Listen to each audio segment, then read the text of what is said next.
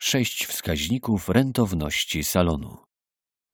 Prawidłowa weryfikacja realnego stanu rentowności gabinetu beauty to podstawa planowania dalszych działań, a także korekty dotychczasowych, niekorzystnych praktyk. Jak to zrobić? Popatrz na swój salon jak inwestor. Zobacz, jakie parametry wziąć pod uwagę, aby zwiększyć zyski i atrakcyjność swojego biznesu. Jedna z moich klientek, pani Ania, pewnego dnia nie wytrzymała. Klienci oczekują rabatów, dostawcy podnoszą ceny, a pracownicy są roszczeniowi. Wszyscy wokół zarabiają, a ja pracuję dla idei. Mam dość, wykrzyczała. Po długiej rozmowie, opanowaniu emocji i policzeniu firmy, budżet firmowy, usiedliśmy do analizowania sensu prowadzenia salonu.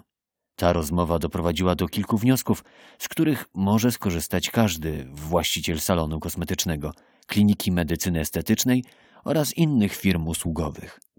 Sprecyzowaliśmy wskaźniki, które pozwolą zweryfikować realne koszty i zyski z prowadzenia działalności. Oto kilka parametrów, które warto kontrolować, aby uniknąć rozczarowań i podejmować lepsze decyzje biznesowe. Marża i koszty sprzedaży. Nie mylić marży z narzutem. Każdy produkt, który sprzedajemy, kosztuje. Jego cenę zakupu nazywamy kosztem sprzedaży. Warto wiedzieć, jaki jest koszt sprzedaży naszych produktów, ponieważ to pozwoli nam policzyć marżę. To najważniejszy parametr biznesu, który powinniśmy kontrolować. Jeśli sprzedajemy krem za 100 zł, a kupiliśmy go za 60 zł, to cena zakupu jest kosztem sprzedaży. Marżę możemy policzyć z wzoru. Marża równa się CS, czyli cena sprzedaży, minus cena zakupu, dzielone przez cena sprzedaży razy 100%. W podwyższym przykładzie to 100 zł minus 60 zł podzielone przez 100 zł równa się 40% marży. Znając marżę na poszczególnych producentach, możemy ją porównać i wybierać produkty, które generują wyższe marże. Producent pierwszy 40%, producent drugi 20%, producent trzeci 30%. Dodatkowo możemy sprawdzić wartość np. rocznej sprzedaży i zakupów danej firmy. To pozwoli nam sprawdzić, jak naprawdę na niej wyszliśmy. Czy ktoś z pracowników nie rozdawał rabatów, a może dostawca zaoferował nam gratisy, które zwiększyły marżę. Możemy również dzięki temu kontrolować, czy wszystko w naszym salonie jest w porządku. Przykład. Jeśli mamy tak ustawione ceny, że danego producenta sprzedajemy z 40% marżą, a z rocznych lub kilkumiesięcznych wyliczeń wychodzi nam, że nasza marża jest niższa niż 30%, to mamy powód, aby poszukać powodów takiego stanu rzeczy. Powodów może być wiele: kradzieże, wykorzystanie towarów dla własnych potrzeb, udzielanie rabatów lub złe ceny zakupu. Częstym błędem jest mylenie marży z narzutem. Narzut to cena sprzedaży minus cena zakupu dzielone przez cenę zakupu razy 100%. W powyższym przykładzie będzie to 100 zł minus 60 zł dzielone przez 60 zł razy 100%. To się równa 66,67%. Narzut mówi nam, ile mamy narzucić na cenę zakupu, aby uzyskać cenę sprzedaży. Marża informuje nas o tym, ile zarabiamy w odniesieniu do sprzedaży. Błąd polega na tym, że wielu właścicieli ustala cenę sprzedaży narzucając, dodając np. 40% do ceny zakupu. Przykład. Do ceny zakupu 60 zł dodano 40%. 60 zł razy 1,4 równa się 84 zł. Cena sprzedaży.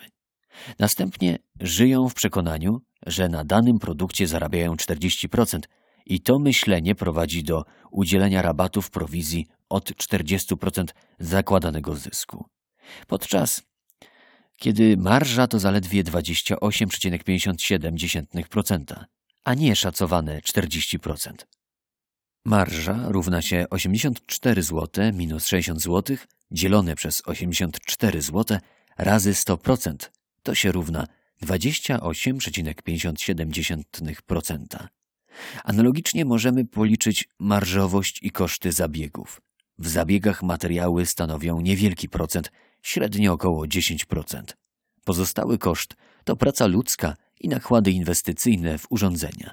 Warto znać koszty zużycia materiałów w poszczególnych zabiegach.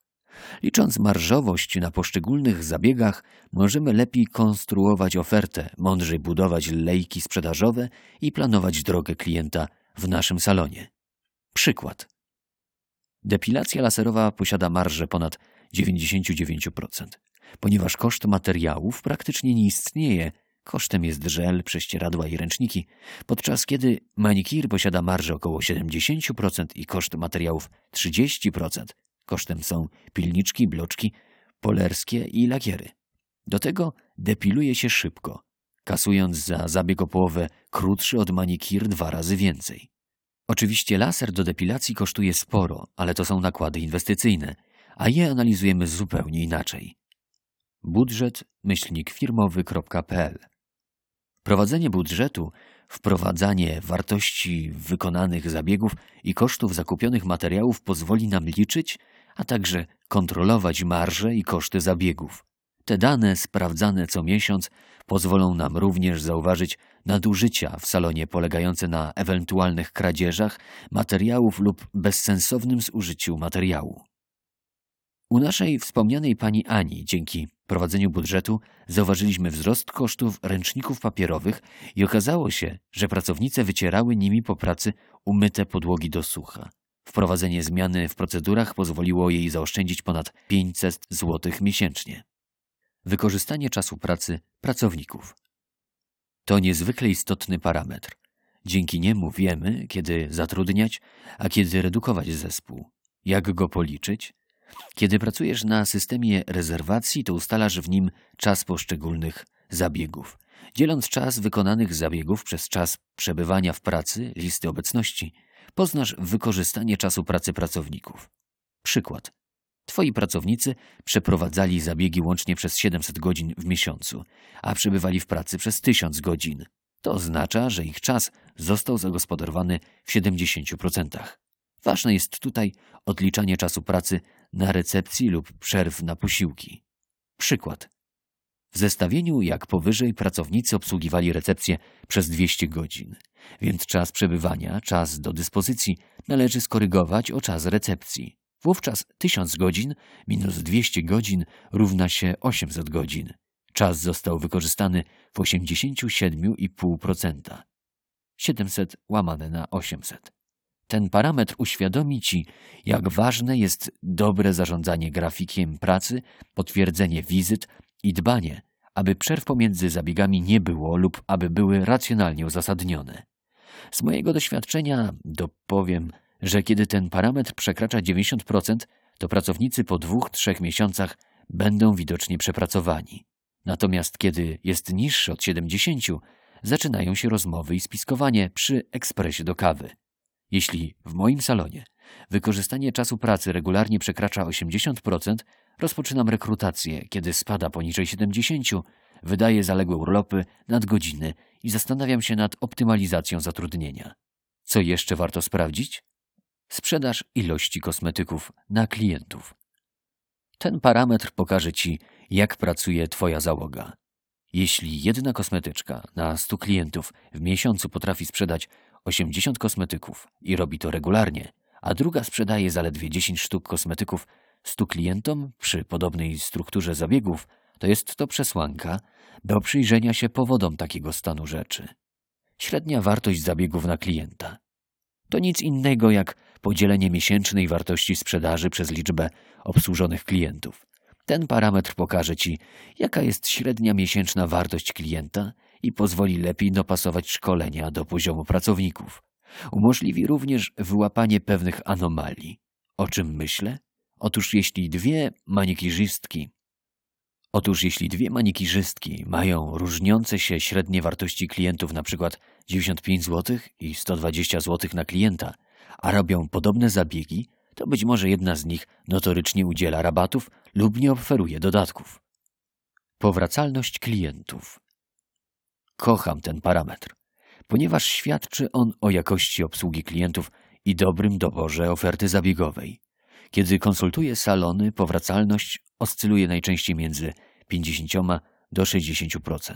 Po wprowadzeniu zasad obsługi, standardów zabiegowych i po zaplanowaniu podróży klienta wzrasta do ponad 80%. To są Twoje pieniądze. Liczba nowych klientów. Miesięczna liczba nowych klientów pokazuje efektywność działań marketingowych i kampanii sprzedażowych. Ten parametr wykorzystuję do ceny agencji, które świadczą dla mnie usługi. W naszym przykładzie pani Ania podczas konsultacji poprosiła mnie o nowe pomysły na kampanie reklamowe. Panie Adamie, obroty mi spadają, potrzebuję jak najszybciej nowych klientów. Przeciętny doradca zacząłby organizować kosztowne kampanie promocyjne bez dobrej diagnozy salonu. Wiedząc to, co napisałem powyżej, sprawdziliśmy z panią Anią liczbę nowych klientów. Okazało się, że w małym 50-tysięcznym mieście pani Ania pozyskiwała po 40-50 nowych klientów miesięcznie. To całkiem sporo. Pani Aniu, sprawdziliśmy na stronie www.polskawliczbach.pl, że pani grupa docelowa to 10 tysięcy kobiet. Ponieważ z usług kosmetycznych korzysta mniej niż 20% pań, to na chwilę obecną dowiedziało się już o pani biznesie ponad 60% z nich. Ma pani w bazie 1200 osób, które skorzystały z zabiegów i dokłada pani po 500-600 rocznie. Niestety, powracalność w pani salonie wynosi tylko 30%, a to oznacza, że zamiast marketingiem powinniśmy zająć się obsługą klienta. Jak widzisz, analizowanie swojego biznesu ma sens. Czasem warto odejść od fotela kosmetycznego i popracować nad swoją firmą zamiast pracy w firmie. Tego właśnie uczę na warsztatach budżet-firmowy.pl. Zajrzyj teraz na stronę budżet-firmowy.pl i po dodaniu do koszyka wpisz kod BI jak Beauty Inspiration, który nie tylko obniży Twoją cenę, ale przede wszystkim zapewni Ci moją indywidualną godzinną konsultację. PS. Możesz też wykorzystać ten kod do kursu w wersji online, niższa cena bez konsultacji. Pamiętaj, dobry budżet firmowy sprawi, że przestaniesz pracować dla pieniędzy, a w zamian pieniądze zaczną pracować dla ciebie. Nazywam to inteligencją finansową. Wszystkiego zyskownego.